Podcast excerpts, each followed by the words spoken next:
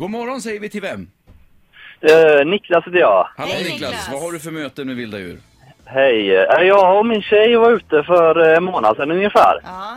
Då hittade vi eh, ett stort träd eh, helt plötsligt vid en backe.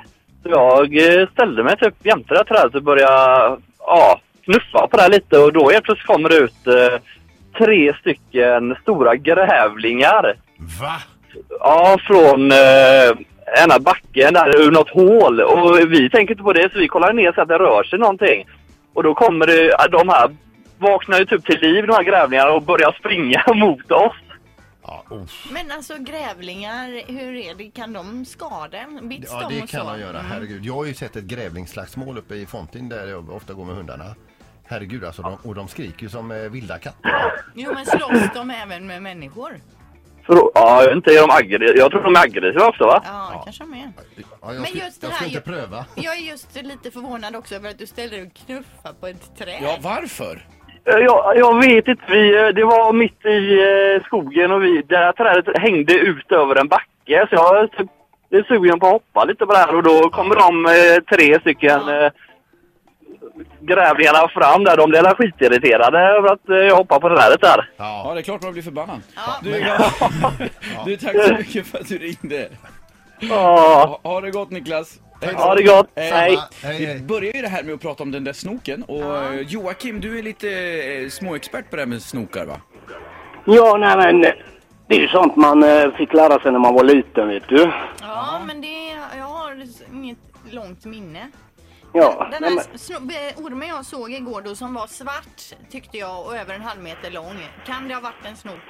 jajamensan. Huggormar är, både snokar och huggormar är svarta, kan vara svarta. Ja. Och eh, det är det som ibland folk blir lurade av då.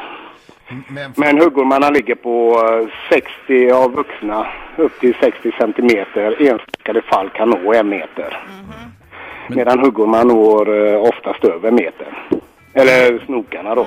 Snokarna når över metern. Ja, Jaha, de blir större än huggormarna. de blir större än huggormar. då Men det här skulle kunna varit en huggorm. Ja, det är alltid möjligt.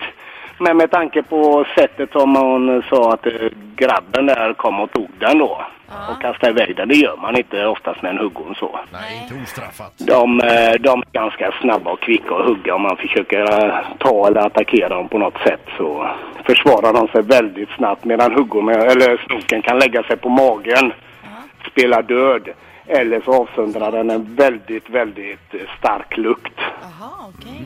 som inte luktar gott. Ja, Det är nu lite- fick vi lite snokekunskap här idag. Det var ju perfekt att du ringde. Tack så mycket. Ja, men tack, själva, ha Tack en trevlig dag. Hej, hej, Ja, hej. hej. hej. Tack, är det så hej. du agerar vid fara kanske, Lindane? Lägger mig på mage och utsöndrar dålig lukt. ja, det är det jag brukar köra, det är trickset. För att hålla bort björnen liksom. Då lägger sig Linda på magen och Ja. lättar lite bara. Det är perfekt. Lysande. Bra tips och bra idéer. Poddtips från Podplay.